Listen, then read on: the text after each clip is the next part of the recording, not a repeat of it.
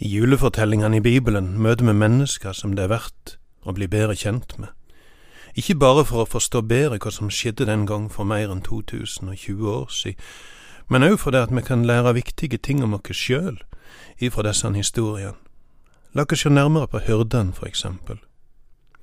Vi hører juleevangeliet om hyrdene på Betlehemsmarkene. De som var ute og passet jorden om natta, og som fikk besøk av englene. Vi kan lese om de i Lukasevangeliet kapittel 2, vers 8–14. Det var nokre gjetere der i området som var ute på marka og heldt vakt over flokken sin om natta. Med eit sto en Herrens engel framfor dei, og Herrens herligdom lyste kringom dei. Da vart dei gripne av stor redsle, men engelen sa til dei, Vær ikkje redde, sjå eg kjem til dykk med båd med ei stor glede, ei glede for heile folket. I dag er det født dykk en frelser i Davids by. Han er Messias, Herren, og det skal det ha til teiken, det skal finne et barn som er sveipt og ligger i ei krybbe. Brått var det en stor himmel her sammen med engelen, de lova Gud og sang Ære være Gud i det høgste og fred på jorda blant mennesker Gud har glede i. Englene de vendte tilbake til himmelen, og stillheten senkte seg over Betlehemsmarken, og hyrdene la i vei inn til Betlehem, og de fant Josef og Maria og det vesle barnet som lå i krybba. Alt var sånn som englene hadde sagt de. Hyrdene på Jesu tid var jamt over sitt nedpå. De lå ute med dyrene for å vokte dem, og kunne ikke overholde de omstendelige renhetsforskriftene som fariseerne og de skriftlærde på den tid var så nøye med. Men disse menneskene er det som får besøk av England. Midt i sin trufaste og hverdagslige tjeneste med sine hverdagsklær og sine skitne hender, disse er det som får englebesøk. Det er et himmelsk paradoks, som det forresten er mange av i Bibelen. Tenk deg en kjempeflotte konsert, en sånn som vi ser på fjernsyn når det er nyttår. En klassisk konsert der ærverdige folk sitter i sin beste stas. Der er smokinger, der er flotte kjoler, der er perlekjeder. Her er det viktige folk samla, rikinger, musikkjennere.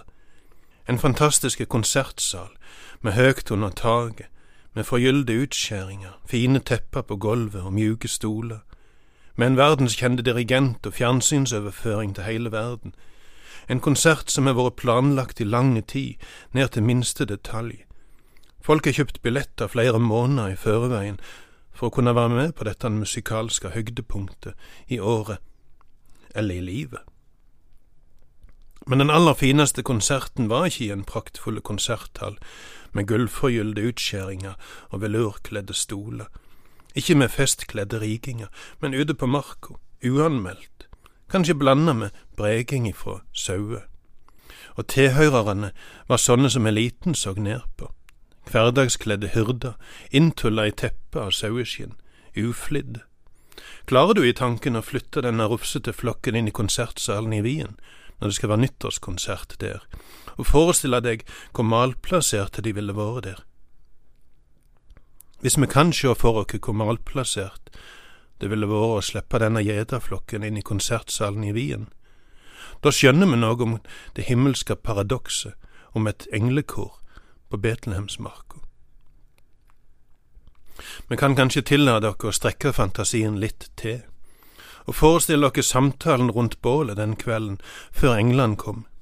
En av hyrdene, vi kan kalle han Ruben, hadde fått sauelort på klærne sine, og så hadde skrapte det av med en pinne, og så kom det tort ifra en annen, du trenger ikke være så nøye, Ruben, du kommer ikke inn på kongen sitt slott uansett, sånn som du ser ut. Og så lo de alle i hop, for de visste det var helt utenkelig at en hyrde kunne få innpass på slottet. Nei, tenker seg til om en av oss skulle banke på døra hos kongen. Dørvokteren kom til å holde seg for nesa og hyle. Kom deg vekk! Både skiten og lukta, sånne som deg får ikke komme inn her. Og så lo de igjen, det var en heilt ville tanke at en hyrde skulle banke på kongens dør. Etter hvert stilna latteren. De eneste lydene var knitringa ifra bålet, breking ifra et annet lam. Og så kom det ettertenksomt ifra Ruben, han med sauelorten på klærne. Nei, Samuel, du har rett. Jeg kjem nok ikke inn til kongen, jeg. Han vil jo bare menge seg med fintfolk, han. Men jeg kom til å tenke på en, en merkelig ting. Hvis jeg ikke er god nok for kongen sitt slott, da kan jeg vel umulig være god nok for plassen der Gud sjøl bor. Og da handler det ikke om skitne klær og sauelukt, men om det som ikke er som det skal være inni meg. Men sjå det sånn sauen som vi passer på her, noen av de kommer til å bli ofra i tempelet. Gud har jo forklart hvordan vi kan gjøre det, et lam kan ofres for å ta vekk synda til et menneske. Og så slo det meg plutselig at når Gud har forklart dere hva vi kan gjøre for å komme fram for Han, så er jo det en slags invitasjon, ikke sant? Hvis Han ikke ønsket fellesskap med oss, så hadde Han jo ikke forklart hva vi skulle gjøre for å kunne komme fram for Han. Det er jo en helt utrolig tanke, men offerordningene sier jo at Gud i himmelen kan ha glede i sånne som oss. Du får ha meg tilgitt min litt livlige fantasi. Vi veit selvfølgelig ingenting om hva hyrdene snakket om før de fikk englebesøk, men vi kan være trygge på at ingen av de ville vært velkomne på slottet til kong Herodes, og vi kan vite at synd stenger oss ute ifra Gud. Vi veit òg at Gud ga ordninga om offer som kunne bærast fram for å ta vekk synda til folket, og det må være rett å si at disse offerordningene i sitt djupeste vesen står der som et uttrykk for at Gud ønsker fellesskap med syndige mennesker. For ofrene si skyld kan han ha velbehag i syndige mennesker. Og kanskje fikk hyrdene tid til å tenke over en merkelig ting på den korte vandringa inn til Betlehem. Engelen hadde sagt at Frelseren, kongen som jødene så lenge hadde venta på, lå sveipt i ei krybbe. Hyrdene visste hvor de kunne vente å finne ei krybbe henne. Det betydde at kongen var å finne i en stall, et sauehus, og der var gudskjelov Ruben velkommen inn, sjøl om han hadde sauelort på klærne sine. Jesus steig inn i verden på en måte som fortalte at folk var velkomne, uansett hva slags klær de hadde, og dermed sier han at alle er velkomne, at han ønsker fellesskap med alle. Uansett hva hyrdene snakket om, stilna praten, og alle fikk sikkert hageslepp da det plutselig strålte et voldsomt lys imot de, og de fikk sjå en engel, med bud om ei glede for alt folket. I dag er der født en frelser i Betlehem, og dette skal det ha til tegn, det skal finne et barn som er sveipt og ligger i ei krybbe. Og så fikk hyrden oppleve englesang, en forsmak på den himmelske lovsangen. Ære være Gud i det høgste og fred på jorda, blant mennesker Gud har glede i. Englesangen forteller tre ting. Det ene er at han forteller at det som nå hadde skjedd, ville borge for fred på jorda. Vi mennesker trenger fred på flere måter. Fred med oss sjøl, med medmenneskene våre, med Gud. Og Jesus kan hjelpe oss med alt dette.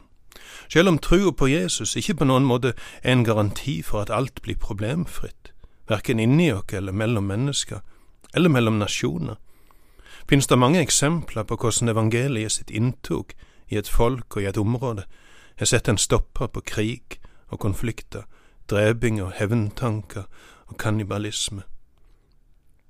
Men Jesus kom først og fremst for å lage fred, ikke på det mellommenneskelige planet, men i forholdet vårt til Gud.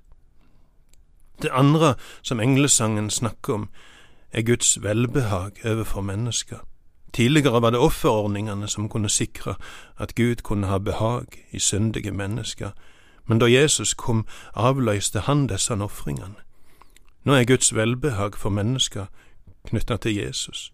For hans skyld kan Gud sjå med glede på syndige mennesker. Og så synger englene om ære til Gud i det høgste. På hva måte får Gud ære av det som skjedde den første julenatta? På hva måte får Gud ære ved at Guds sønn ligger som en baby i et sauehus i Betlehem? Kanskje et bilde kan hjelpe oss på sporet av svaret. Prøv å se for deg et stort og flott bryllup, med masse stivpynta folk, der hovedpersonene kommer kjørende i en limousin, og der bugnende og nydelig pynta bord står klar til den store festen.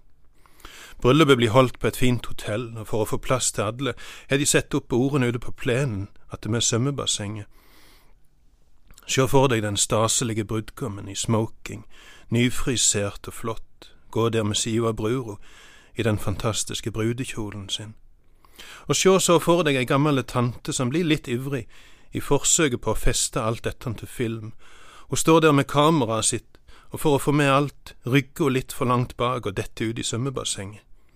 Og sjå for deg brudgommen som i brøkdelen av et sekund oppfatter faren, styrter fram og kaster seg uti for å hjelpe den gamle tanta si, uten tanke på den fine smokingen og de nypuste skoene. Så lenge mannen sto der i all sin stas, kunne du beundre han for de fine klærne, for stasen og for at han og brura hadde pynta så fint og lagt alt så lekkert, heilt ned til minste detalj.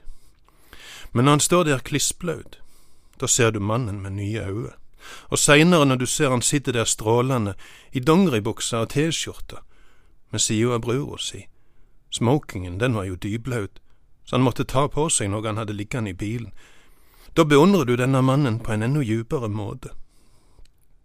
Det er én ting å beundre en mann si staselige klesdrakt, det er en annen ting å beundre hjertelaget hans for når han kasta seg i vatnet uten tanke på finstasen sin, da viste han hjertelaget sitt. Hva ser du når du lukker øynene og prøver å forestille deg hva hyrdene fikk sjå når de kom til stallen? Jo, du ser en nyfødt gutt, sveipt i et enkelt tøystykke, sovende i ei krybbe. Men sjå djupere, hva ser du? Ser du Guds hjertelag? Han la av seg sin himmelske herligdom og steig ned til jord for å berge mennesker ifra døden, ifra evig død. Det er Guds sønn som søver der i høyet. Hadde vi fått sjå han i all hans himmelske herligdom, ville vi blitt stående og måpe. En sånn prakt. Men kan du sjå at stallen og krybba og de enkle klærne vitner om hjertelaget hans? Han holdt seg ikke for god til å stige ned i fattigdom, for han så mennesker som trong en frelser. Englekoret holdt intimkonsert for en rufsete flokk gjedere på Betlehemsmarken, og Guds sønn blei født i et sauehus, to himmelske paradoks som forteller om Guds hjertelag for mennesker. Ære være Gud i det høgste.